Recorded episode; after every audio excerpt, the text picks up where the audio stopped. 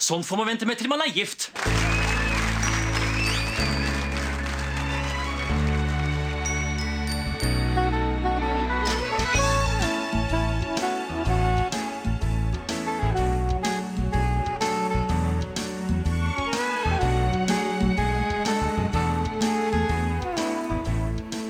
Hallo og velkommen til eh, nok en episode av Norsk film filmpodcast, hvor vi ser norsk film med et kritisk, men kjærlig blikk.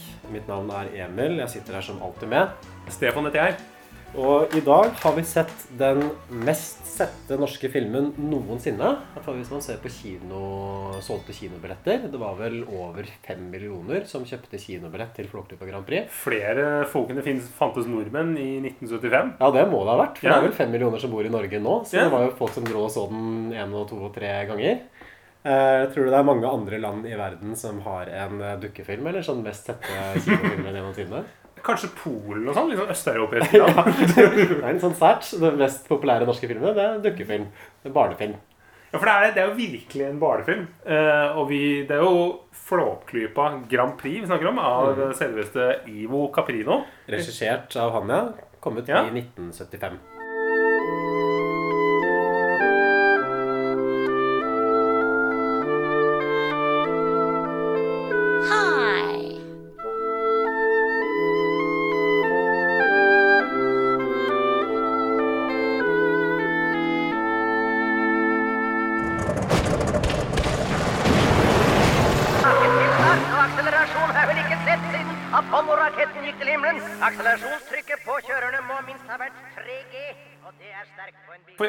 film som alle i Norge har et forhold til. Så liksom eh, Til våre engelske lyttere som sitter og hører på. So uh, very, uh, very nice to have you here uh, as listeners, and we are very glad to present this famous Norwegian film. Masterpiece of Norwegian cinema. A masterclass in animation and doll... Dolby, doll film, a doll movie from like they said in uh, 1994, uh, the best Norwegian film ever. It was also the inspiration for Star Wars Episode 1, actually. The pod race in Star Wars Episode 1. Oh, A really? small film that you might have heard of. The Norwegians did it first and uh, did it better, to say it like that. Thank you, international listeners. We are looking for forward to talk about this uh, movie. Så kanskje, kanskje gå bort fra engelsken før de få lytterne vi har skrur av. Eller folka tror vi har Torbjørn Jagland i studio. Ja, men Dette her er jo også basert på historiene til Kjell Aukrust, en eh, kjent forfatter. Så Flåklypa var vel også etablert allerede som et sånt univers før den filmen der ble lagd. Eh, Skulle egentlig bli lagd som en TV-serie, leste jeg på Wikipedia, og så ble det en film istedenfor. Og Ivo Caprino er jo også kjent for å ha lagd eh, dukkefilmer til veldig mange norske eventyr. Askeladden, Karus, Karusubaktus er jo Ja. ikke det eventyret Torbjørn Egner. Det er liksom Standhaftig tils- tinnsoldat Ja. er også, også han. Um, så det er på en måte en slags sånn um, mestermøte, kan man si, mellom Kjell Aukrust og Ivo Caprino her i Flåklypa Grand Prix. Og hva er det denne filmen handler om, eh, Stefan? Eh, nei, vi, eh, vi, følger, vi møter jo det, Vi er jo i den lille bygda Flåklypa, som jeg kan se for meg at det ligger et eller annet sted i Østerdalen. eh, hvor vi møter sykkelreparatør Reodor Felgen. Eh, dette er en fyr, og han bor sammen med en skjære og et pinnsvin oppe på en sånn høy topp. Veldig rart. Jeg skjønner ikke helt hvorfor han har bosatt seg oppå der. Nei, han bor liksom på toppen av Byen er så merkelig, for det er to ganske sånn høye fjell. Og så er det ett som er liksom høyere enn det ene, og på toppen av der bor Reodor Felgen. Og så ligger på en måte Flåklypa som en sånn liten bygd sånn helt i, under dette svære fjellet. da. Og så går det en vei opp til det fjellet med flere buer og allting, men det er ingen, ingen hus langs den veien opp til fjellet. Så det er jo fryktelig mye infrastruktur og vedlikeholde for Reodor Felgen. Ja.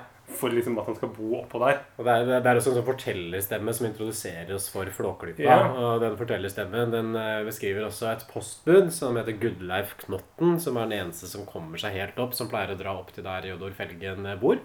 Og han beskrives som følger. Knotten har frakk med dekkmønster, aktiv fargeblind og overkjørt en rekke ganger. Utprega sårbeint, uryddig gangsett og spiller kontrabass ved høyt- høytidelige anledninger. Så det setter jo på en måte tonen for filmen her. At dette her er skikkelig trivelig, rett og slett. Med stor T. Ja, vittig på en sånn norsk måte som vi eh, Bygde, bygdeoriginaler. Ja. Litt sånn samme stil som Vazelina Bilopphøggers også. Litt sånn artige karakterer som har mange rare påfunn og nykker. Og litt sånn overskudd på disse litt eh, underfundige detaljene. Vazelina Bilopphøggers har jo definitivt rappa noe fra den filmen her. Eh, og det, det som er eh, fascinerende, er jo at dette er jo en dokkefilm. og men det er jo veldig mange kjente skuespillere som, fra den tida som har satt stemmene sine til filmen her. Leif Juster er jo han som har den fortellerstemmen, som er den eh, Vi kan si liksom eh, 50-tallets svar på Ylvis-brødrene, på en måte. En stor sånn Norges eh, mest populære komiker. Er kanskje den mest legendariske norske komikeren gjennom tiden. Ja, alle visste hvem han var, eh, og Mm. dere ungdommer burde lese dere opp på Leif Juster og finne ut hvem det Og så har du jo, har du jo også Solan Gundersen, som du snakka om i stad. Som, som er den der fuglen, skjæra, som, eh, som um, Reodor Felgen bor med. Mm. Av en eller annen grunn. Og Solan Gundersen har jo stemme av Kari Simonsen.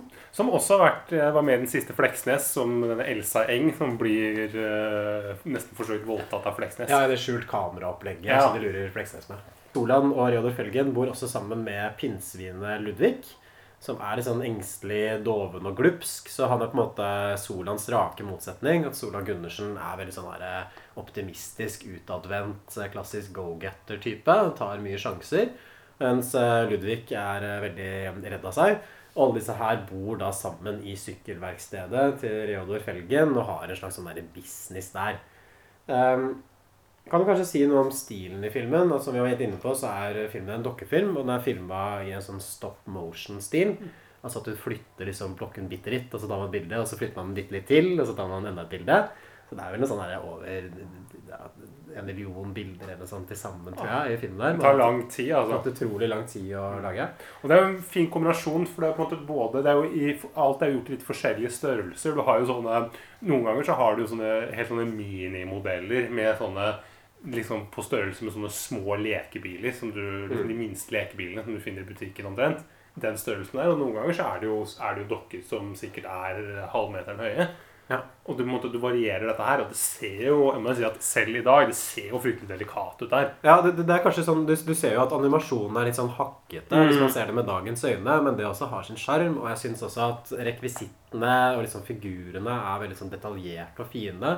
Jeg syns også du hadde jobba sånn spesielt godt med liksom sånn teksturarbeidet og brukt masse ulike materialer. Så det føles egentlig som en sånn verden som er ganske troverdig. Så føles det som at her har folk bodd eh, en lengre periode. Det er et univers hvor liksom ting føles ut som de har sin plass. Ja, fordi mange norske filmer som er spilt inn på sånn Filmparken på Jar og sånn, så ser du at når du spiller inn noe i en leilighet, at det ikke er noen som bor der. For det er altfor få ting. Det ser ut som et hotellrom. Men her så ser du jo, i de dokkehusene her, så ser det faktisk ut som at det er folk som bor. Ja, som at folk har bodd her lenge. Ja. Eh, er- er lurer sånn der på økonomien i situasjonen til Reodor Felgen. For jeg regner jo med at Reodor Felgen forsørger både Ludvig og Solan med Mm. inntektene fra sykkelverkstedet.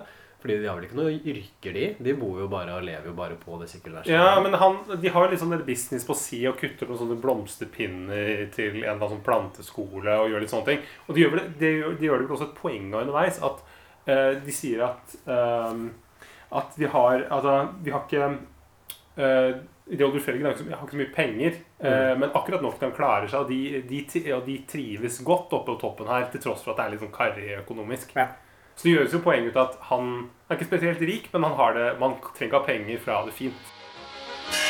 Stort sett så er en Reodor sjølberga med elektrisk kraft, vannforsyning, skjøteledning og små biinntekter.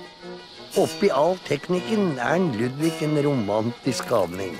Til tross for kronisk høysnue så er en Ludvig påpasselig framme når sola steiker en heit sommerdag over Flåklypa. Det er ikke akkurat noe stressa miljø hos en Reodor, men det slenger av et og annet åttetallshjul og en slerkete Peder. Nei, og så er han også selvforsynt. At det kommer jo fram at det liksom gror sin egen mat og lager sine egne klær. og liksom skjønner ikke helt han. hvordan jordsmonnet er oppå den Nei, det, det kan man jo spørre seg om. Og han er på en måte en slags sånn erkenordmann, André Reodor Felgen. Eller i hvert fall sånn som vi nordmenn liker å se oss sjøl. Han er på en måte en fri sjel, uavhengig, litt sånn innadvendt kanskje. Drikker pulverkaffe, klarer seg vel lite, ujålete. Akkurat som Norge også er på en måte ser på seg selv som en sånn nasjon. Ja. At vi, vi går vår egen vei. At vi er ikke med i EU. Og vi liksom sitter her oppe på vår eh, Vi har ikke noe høyt forbruk i Norge, vi. Vi er jo helt uh, Vi er enkle karer. Klarer oss med to dusjer på hytta og fem soverom, så har vi det bra. Ja, nettopp. ja. ja og det, det, det er jo liksom det som er artig med, med filmen også. fordi jeg føler kanskje at Flåklypa Grand Prix at grunnen til at den er så populær, er nettopp at den setter fram et sånt idealbilde av Norge. Eller i hvert fall sånn som Norge liker å se på seg sjøl. Men samtidig som at det er en del sånn spenninger i handlingen også skal komme fram til, hvor dette selvbildet iblant slår litt sånn sprekker. Og kanskje det egentlige Norge titter eh, fram. Men det, kan komme Det er jo, det er jo først og fremst en sånn selvrunking, dette her. Det tror jeg også det må være for at det skal bli en sånn så Ja. populær film. Du kan tenke liksom på Max Manus Kon-Tiki. at jeg tror ikke Det er liksom begrensa hvor populær en norsk film kunne blitt som var sånn åpenbart kritisk til på en måte staten Norge. Jeg tror jeg nesten ikke har sett det, sånn kjente norske filmer som tar en sånn samfunnskritisk posisjon. Eh, Alle tiders kupp fra 1964, hvor de kritiserer at prisene på Vinmonopolet er så høye. Ja, det, at det er så mye høye skatter i Norge. det var piken av samfunnskritikk i norsk film. Av Øyvind Vennerød. Eh, Verdt å se. Jeg tror den ligger eh, tilgjengelig mange steder. Hvert fall plottutviklingen her, da. Eh, Plottet settes i gang når vi stifter bekjentskap med Rudolf Blodstrupmoen. Og det er en litt sånn tidligere læregutt av Reodor Felgen som har bodd sammen med han. Og så har han dratt til byen og så blitt eh, sånn raserkjører, som Reodor Felgen eh, sier. Han har blitt en sånn bysnobb. Spissmannen i internasjonal motorsportparti, Rudolf Blodstrupemoen, etter å ha vunnet sin tredje Grand Prix-seier på rad. Kort om deres rakettkarriere, Blodstrøpemål? Tja, trang oppvekst i Flåklypa. En lita bygd oppe i Fjelldal. Jobba en tid på et sykkelverksted hos en bygd original. Hva var det nu han het igjen? Reodor? Reodor Felgen var det visst. Hør på han der, da. Det går ikke. Hysj da, Solan. Små forhold med andre ord. Og vi skal tenke tilbake på hvor billetten kan bli stengt inne i et slikt snevert miljø som oppi der. Men de, de lot dem ikke stanse. Nei. Og jeg kan vel si så meget at den siste oppfinnelsen min vil komme til å revolusjonere motorsporten. Hva sikter de til? Denne lille superrettometerfordeleren her, den gir sprut til 1000 og øker karadialeffekten med 112% Han sier også nu når han blir intervjua, istedenfor nå. Han snakker ned på Flåklypa, ikke sant? mener at det ble for trangt og snevert. Og Reodor Felgen har litt sånn eh, bitre følelser for han, At han kan liksom ikke helt tro at han har blitt så tøff og liksom blitt så stor på det nede i storbyen. Og det viser seg også at det er noen ugler i mosen ved denne Blodstrupmoen. Fordi han har tatt en sånn der, noe sånn teknologi som Reodor Felgen egentlig har utvikla, og så har han satt det på bilen sin, og det er grunnen til at han vinner alle disse løpene. Så det er på en måte ikke selvfortjent at dette her er Reodor Felgen sine oppfinnelser som han har blitt kjent på, og som han lever av. Nei, og Han er jo en, eh, han presenteres jo som en kontrast til eh, Reodor Felgen. Hans rake motsetning. For mens Reodor Felgen sitter i et liksom sånn der, litt sånn, ser ut som en sånn der, eh, hytte med liksom sånne, eh, sånne bonder, sånne rosemalte skap og sånn, så sitter jo Blodstrupmoen og røyker sigar i en stressless med en sånn flott ny TV. og det er, på en måte, han, det er jo på en måte den nyrike typen dette her, kontra den her liksom enkle fyren som klarer seg på lite. Ja, det er, det er by versus bygd-motsetningen som er liksom en av de sentrale Men også en sånn oppkomling, på en måte, som har liksom greid å bygge seg eh, på en måte blitt rik liksom, på, på feil premisser. Ja, og som har sveket bygda ikke sant? ved å flytte bort. Han er en fraflytter, og det tror jeg skal bidra til å etablere han som en litt sånn mistenksom karakter helt fra starten. I tillegg til navnet, selvfølgelig. Blodstrupmoen. Blodstrupmoen han sier at han kan bli utfordret av hvilken sjåfør som helst. Han kan slå dem alle, og da er på en måte hansken kasta. Fordi eh, Reodor Felgen og Solan Gundersen bestemmer seg da for at de skal utfordre denne Blodstrupmoen i et race. At de skal lage sin egen eh, bil. Og da blir problemet at de har ikke noe penger til å bygge denne bilen. Så Reodor Felgen eh, blir trist. Han sitter og spiller munnspill og spiller det der kjente Flåklypa Grand Prix-temaet. Og Solan Gundersen bestemmer seg for at han skal hjelpe og forsøke å skaffe finansiering til denne bilen. Og da er på en måte plott i gang. Nå er Reodor lei seg nå. Og er det fordi hun ikke har penger til bilen sin, det, tror du? Solan? Mm. Tror du du greier å hjelpe henne, Solan? Ludvig, det er nå bare et tidsspørsmål før herr Solan Gundersen fra Rustadsaga slår til. Ja, og det, det som skjer videre, det er jo at uh, Solan Gundersen får jo syn på en sjeik, eller lakengubbe, som han kaller ham. Og det er jo sjeik Reddik Ben Fy Fasan, eller noe. Eller Ben, ben Reddik, fy fasan. Ben. Reddik Fy Fasan.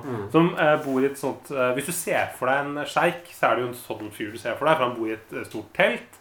Han har veldig stor nese som går over hele fjeset, sånn som uh, folk på, 70-tallet trodde folk hadde i arabiske land. Og han har en gorilla som kjører en gull-Rolls-Royce.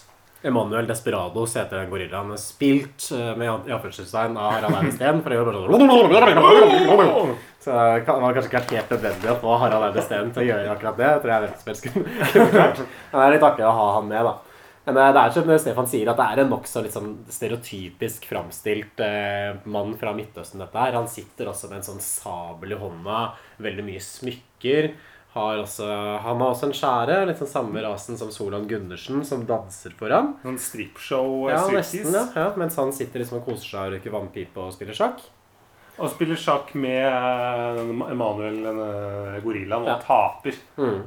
han, han driver firmaet Aladdin Oil, og jeg tror kanskje bakgrunnen for dette her, og grunnen til at han har akkurat denne karakteren, er eh, det OPEC-møtet fra 1973.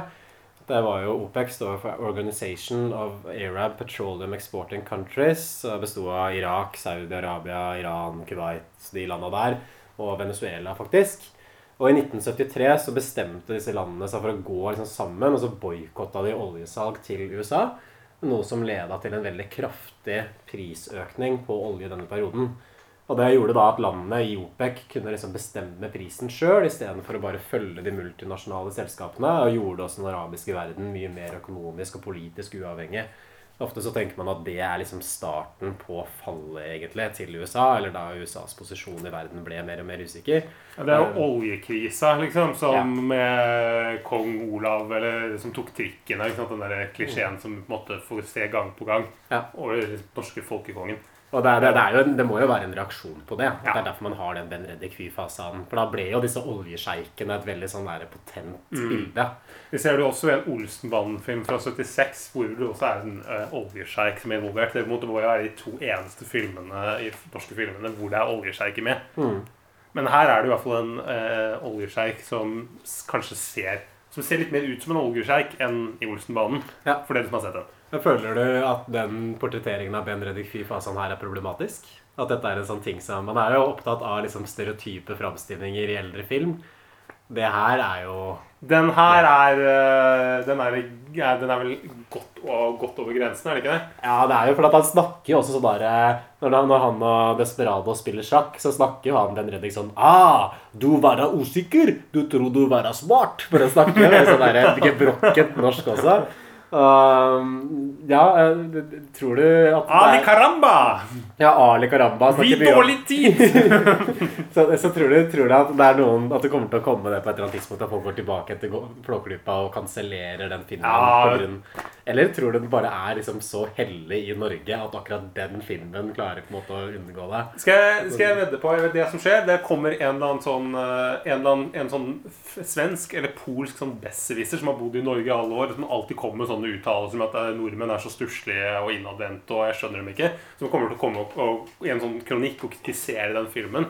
Og så har vi hele kostebinderiet. Så har vi, så har vi det gående, ja. Ja, Mm. det, det tror jeg, altså. Fordi det er, Hvis man skal liksom se på 'Nissene på låven' og Espen Eckbo og den karakteren hans, og liksom mener at det er problematisk, så mener jeg at Flåklypa Grand Prix tross alt er en del hakk verre. altså. Men vi har jo tatt opp før Det var jo det med 'Kvinnen i mitt liv òg. Hvor det, det, er jo, det er jo mye som burde Hvis man har de standardene på hva som skal kanselleres, så er det jo veldig mye som burde vært kansellert. Men Forskjellen er jo at 'Kvinne i mitt liv' er jo en film som ingen bryr seg om, mens 'Flåklypa Grand Prix' er Ja. en sånn nasjonalskatt som de viser på TV hvert eneste år.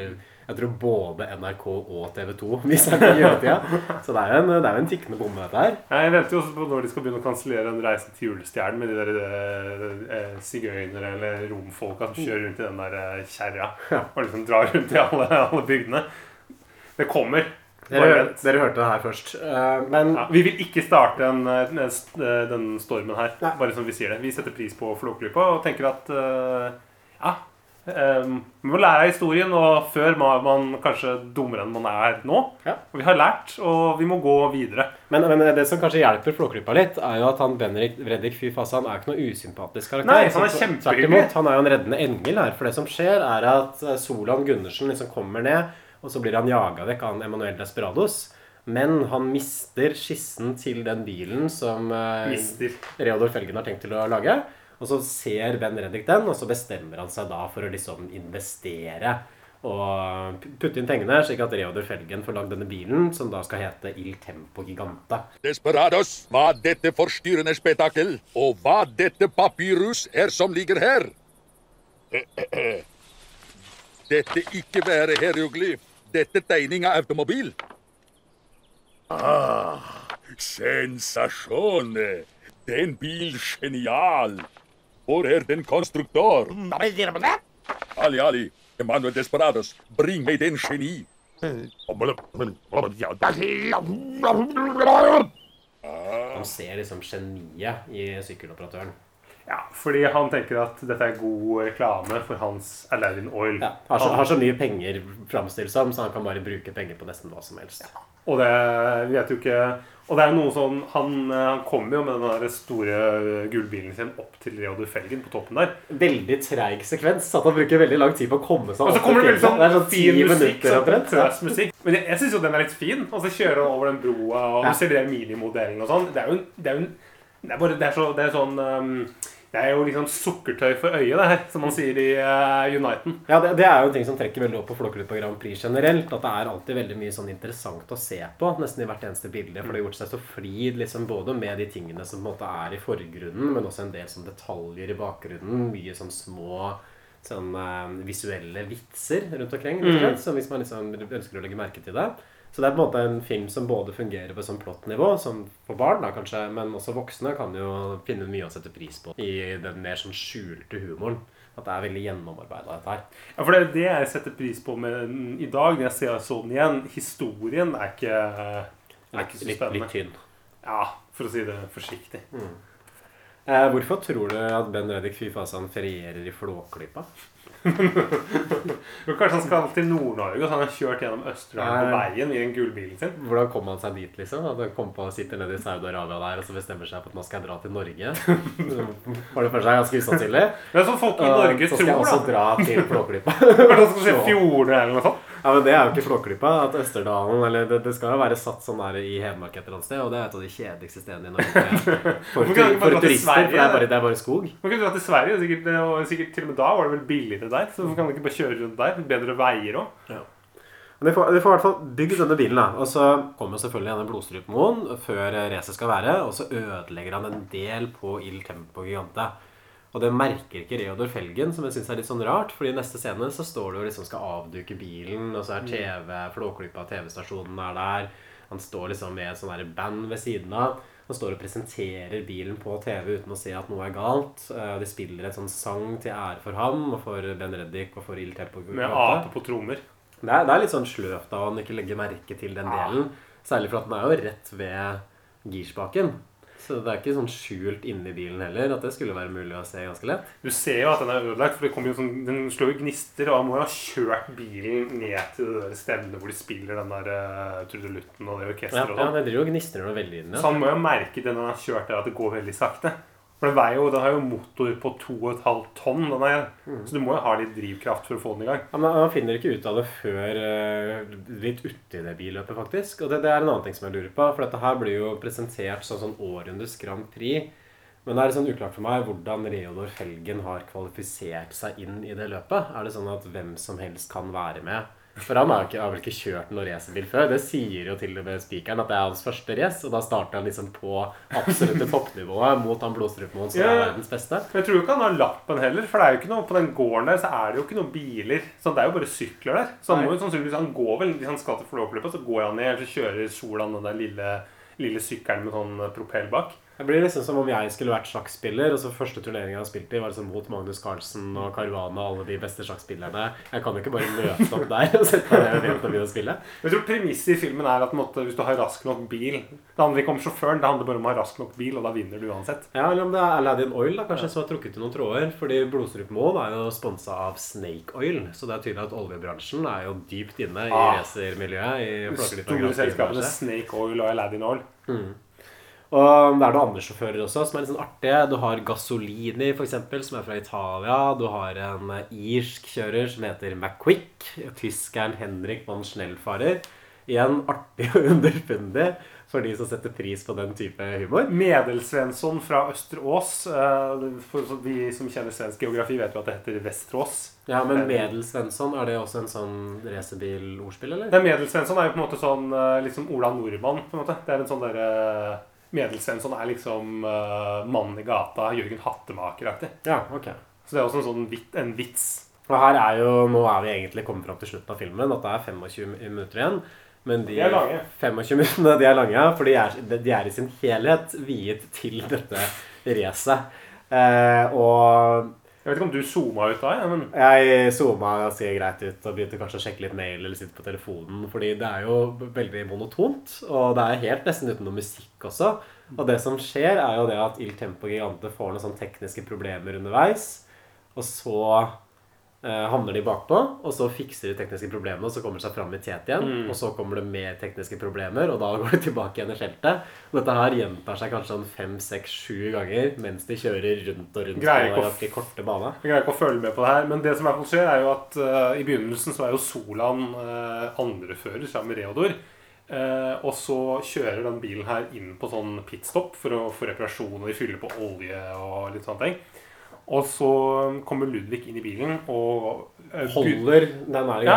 Og så starter hele dritten, og så og spruter rakettene bak spruter, og da er det, det klart å kjøre. Så da skjønner vi at det den kunne vel strengt tatt Reodor Felgen nesten holdt sjøl. Han kunne jo bare stukket kneet under og bare sitte og Eller Solan kunne sitte der. Hvorfor Ludvig, som er så redd for å kjøre bil, Ja, skal hvor, sitte i Hvorfor krever det på en måte Ludvig å oppdage at den delen der liksom står For det står sånn gnistrer og lager masse lyd og ryker fra den. Så det jeg syns det er veldig merkelig at Reodor Felgen, hvis han skal være så smart da, så genial og finner ikke legger Han er jo ikke så veldig smart, for han, bare, han sitter jo bare oppe på toppen der, og det er jo på en måte Solan som lø, fikser biffen og, og får, får Aladdin Oil til å investere i bilen.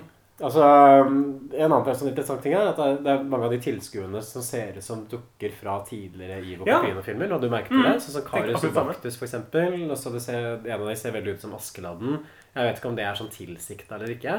Tror du ikke bare han har et lass med dukker og gidder ikke å lage nye til for noen sånne tilfeldige tilskuere som sitter Det er en sånn syvende far i huset og som sitter inne i en sånn der tømmerkoi og ser på TV-skjermen mens det bilracet går. og Men, sånn. men det fungerer jo ganske godt, for man Ja, ja. får jo liksom inntrykk av at filmen skriver seg jo da inn i en sånn norsk eventyrtradisjon. Ja, og, og, et, og et sånt univers. Sånt, liksom sånt eh, fantasiunivers. Ja, vi er, vi er liksom en del av Asbjørnsen og Moe, den tradisjonen Mm. for norsk historiefortelling. Og det har jo filmen også klart. at Den, den skrev seg jo inn der sånn med en gang og ble jo på en måte en del av den norske kulturen og en sånn nasjonalromantisk norsk kultur. Du Så det er tro at det kult var- at man har fått til det også sånn til og med i 1975, og liksom laget noe som med en gang blir så klassisk. Ja, og den kommer jo alltid til å stå seg, selv når liksom Reisen til julestjernen og sånn er passé, så vil den her holde. Og det er jo uh, du, Jeg får jo inntrykk av at det er et eventyr som ble samla av Asbjørnsen og Moe en eller annen gang. Mm. Det er jo på en måte Det er jo samme greia. Og det er jo uh, Nettopp moralen i filmen er jo Askeladden. Fordi den som blir presentert som den store vinneren her, er jo Ludvig, som er redd for å kjøre bil. Uh, er smart nok til å, Den trauste fyren som er smart nok til å finne ut at dette her uh, er noe kødd med de greiene her. Og som da liksom løser biffen og blir på en måte den store vinneren. Får holde pokalen. Og til slutt så får han den store belønningen, og det er jo at han får sove innerst i senga mot Ja. veggen. Jeg liker jo best å sove på ytterst, må jeg si. Mhm. Så jeg skjønner ikke helt eh, belønningen. Nei, vi har seng som er sånn i midten av rommet, så spiller Da, ikke så luksus, du. hvilken en av seng man så på. Men Ja. eh, ja, det, det, det skjer jo selvfølgelig det man alltid forventer, at de klarer å vinne løpet. Og så lar de på en måte ikke seg affisere noe sånn spesielt av det. At gutta i Flåklypa går liksom bare tilbake til livet som vanlig.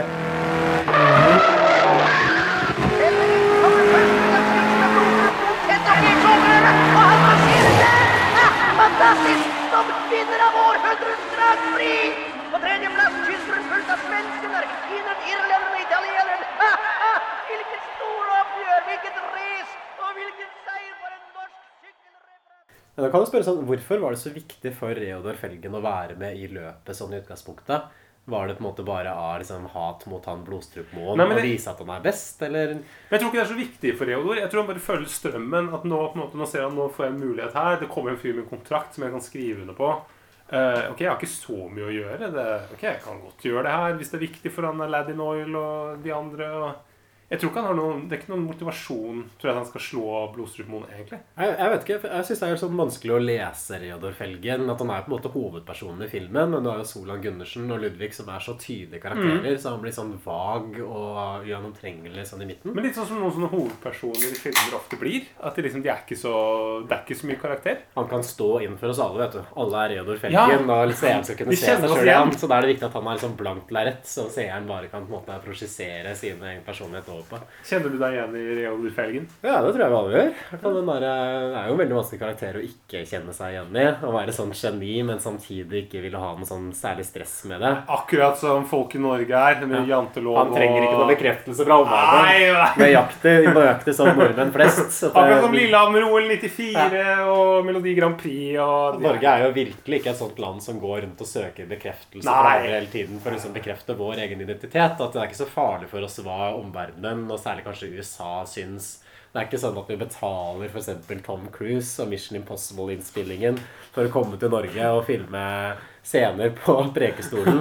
Og til og med i Mission Impossible så sier de at de er i India, så de får ikke reklame fra det engang. Og den norske Eh, kulturministeren står og pisser på seg på TV for at ja, han en for er å så stolt. møte liksom, den store stjerna Tom Cruise. Som han har betalt uh, flere millioner for å være her. Det er jo, øh, det er jo litt som uh, litt sånn gutten som øh, som gir øh, mobbeofre som på en måte gir alle masse godt øh, For å være, for å være kul. Ja, litt Ja. sånn som da vi ga fredsprisen til Obama også, bare for å få Obama til Norge. Mm, og vi ble stolte da han snakket om sånn eh, National eh, Firewood Night og uh, liksom kamera som var fastspent på tog og kjørte gjennom Norge. Og tok det som et kompliment og trodde det var, det var stort. Men her kommer min teori. Fordi Å, nå er jeg spent. Uh, bilen til Reodor Felgen finansieres jo av oljepenger. Ikke sant? Sånn som Norge også finansieres av penger fra olje. Men det er ikke norske oljepenger. Det er fra Ben Reddik Fy Fasan, fra Aladdin Oil, fra utlandet. Mhm. Og det tror jeg er sånn vesentlig poeng. Og Flåklypa Grand Prix ble jo laget eh, allerede da Norge var godt i gang med oljeproduksjonen. Og så Norge tjente ganske, ganske godt på den OPEC-krisa. Ja, ja Norske oljeeventyret begynte Ja, okay. i 1969, så det er godt i gang liksom å pumpe opp. Men det var veldig lite fram til liksom egentlig 75, da. Nei, men vi hadde allerede begynt å få inn midler fra det. altså. Så det er liksom et eller annet med den der oljetematikken. Så min, min teori eh, Må ikke du ødelegge det med historiske fakta her, eh, Stefan. Det er at det Flåklypa egentlig handler om, det er den norske skammen over at vi er en oljenasjon. Mm. At det er en Finn som forsøker å håndtere det på et eller annet vis. For det at Norge er et sånt eh, oljeland, det stemmer jo veldig dårlig overens med det selvbildet vi har. Altså på en måte Reodor Felgen representerer. Fordi det bety Vi ser jo på seg sjøl som veldig sånn uavhengige, staute, hardtarbeidende Mm. og moralske. Og det er jo egenskaper som passer veldig dårlig med at man lever av olje. Så for det første at Vi har ikke gjort noe for å fortjene at den olja bare ligger i Nordsjøen. Det er jo bare flaks. ikke sant? Det handler ikke om vår fortjeneste. Og um, olje er jo også litt sånn skitten business som man egentlig ikke burde drive med som en sånn Var det ikke litt, var det ikke litt kult på 70-tallet med olje? Var det ikke fortsatt litt Nei, jeg, sånn jeg, jeg, jeg tror at det filmen gjør, at den tar, på en måte, og tar den usikkerheten over på Ben Reddik, og så viser man at det er mulig å forene på en måte olja, som er representert av Ben Reddik Fy Fasen, med Ja. Reodor Felgen, nordmannen. Det er ikke noe problematisk. At det kan være sånn at den oljepengene det kan løfte fram det som gjør Norge så bra, og gjøre oss enda bedre og enda mer eksellente gjennom vår sånn innovative teknologiutvikling. Her sitter vi nesten 50 år etterpå. Ja. Jeg tror, ikke, jeg tror ikke det er noe i det. At det, det det som det Flåklypa handler om. At det er, handler om olje og Norge, Norges forhold til olje. Ja, og det, og det er liksom betryggende når det kommer en fyr utenfra som på en måte, at det måte blir en sånn skjønn forening mellom det Mm. norske og Jo, men ja, det, er, det er ikke noe problem, for det er det Nei. som tillater oss å være norske. Det er det som tillater oss å være staute og hardtarbeidende og egenrådige. Ja, for da har vi råd til å være det. Da kan vi bare fortsette akkurat som før. Ja, nettopp. måtte ha det Å sitte oppå knausen og liksom mekke med våre ting, og så sitter vi på en måte på en sånn berg av oljepenger. Ja, er det noen berg av gull? Så vi er økonomisk, økonomisk eh, sikra. Ja, men Det er et godt, eh, godt poeng. Ja, og Det er kanskje grunnen til at filmen har blitt såpass populær også. At man behandler det på et eller annet Man, man tenker jo iblant at kunst og kultur, og kanskje spesielt film, representerer på en måte underbevisstheten til samfunnet. At det er liksom måten samfunnet jobber gjennom ulike traumer og problemer. Og jeg tror det problemet som Flåklypa Grand Prix jobber gjennom, det er oljeavhengigheten. Og Norge som en oljenasjon som har tjent oss rike på ting som vi bare har pumpa opp uten å gjøre noe for det. gjøre noe veldig for det. Og som også er i ferd med å ødelegge hele verden pga. global oppvarming og alt det der. Og så skaper vi den der historien om at vi måtte ha vært verdens fattigste land på 1800- og 1900-tallet og sånt. Ja. Bare humbug i, i Hamburg. Furet og værhvitt over landet. Med de tusen fattige hjem. Eh, hvorfor tror du Flåklypa Grand Prix har blitt så populær? Du har jo svart på det nå, så Ja. vi trenger, den trenger vi Men hvis man, hvis man ser bort fra det, er filmen noen andre, har filmen noen andre kvaliteter? Det er jo at den er estetisk tiltalende, og det er jo på en måte Det er jo akkurat som eh, restaurantkjeden Egon at her Dette er en familiefilm. Den treffer alle. Mm, ja. Du på en måte Om du er glad i burger eller fries, eller om du vil ha en eh, liksom, sprelsk salat, så finner du det i den filmen her. Fordi Mm. det er eh, for vår del, så for min del syns jeg det er morsomt å se på liksom, dukkene og liksom, det estetiske, som er så detaljrikt og så elegant og flott gjort. Mm. Uh, mens for et barn så er det Det var barn, så husker jeg koste meg med det Racet.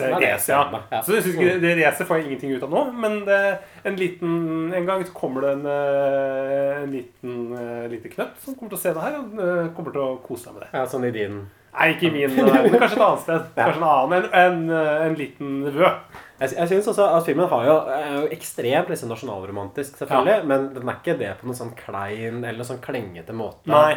At, jeg tror dette er film som man kan lett bli sjarmert av, også kanskje selv om man ikke er norsk. Ja, for jeg vet jo, Um, jeg vet jo at i den danske serien Klovn så er det jo en referanse til Flåklypa Grand Prix, for da går den Frank, hovedkarakteren, rundt med et litt sånt rart skjerf med liksom noen sånne ruter og liksom rødt sånn tova. Og da sier en, eh, en at eh, nå ser det ut som eh, pinnsvinet i Bjellkjøping Grand Prix. Mm.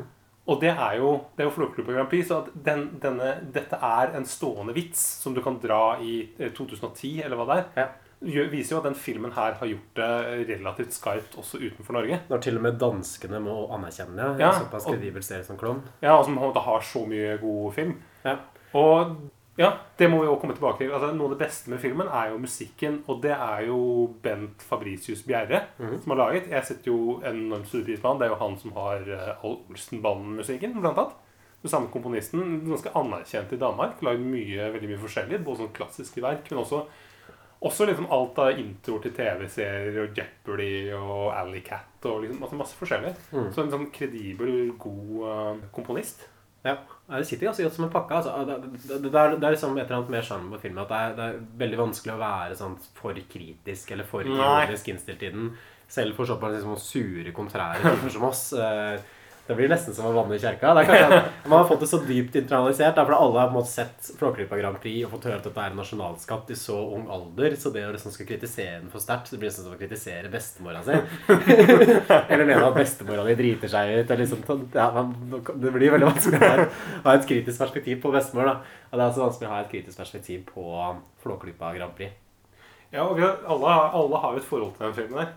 Eh, vi, kan jo, vi kan jo gå på Vi kan gå direkte på terningkastene, egentlig. Ja, eh, for, for når, når det er sagt, så første time, timen i filmen syns jeg sitter veldig bra. Eh, Det hemmes jo veldig av de siste 25 minuttene, altså dette racet. Det på en måte skal være hovedeventen i filmen. Eh, Jeg skulle ønske at det var mer tid på oppsettet, rett og slett. At vi kanskje hadde funnet på en sånn plottlinje, en historielinje til, og så kunne det racet heller vart i fem minutter. Jeg syns ikke man trenger å ha 25 minutter av de som bare kjører rundt der. At det er spennende liksom første Mm. ti minuttene, men etter det så, så faller det litt av. Så ja, det føles nesten litt sånn der blasfemisk å sette et terningkast på Flåklypa Grand Prix. i det tatt. Men eh, nei, si terningkast eh, fire, da. Oi!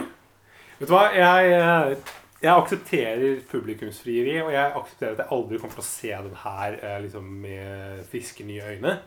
Og jeg gir den terningkast fem.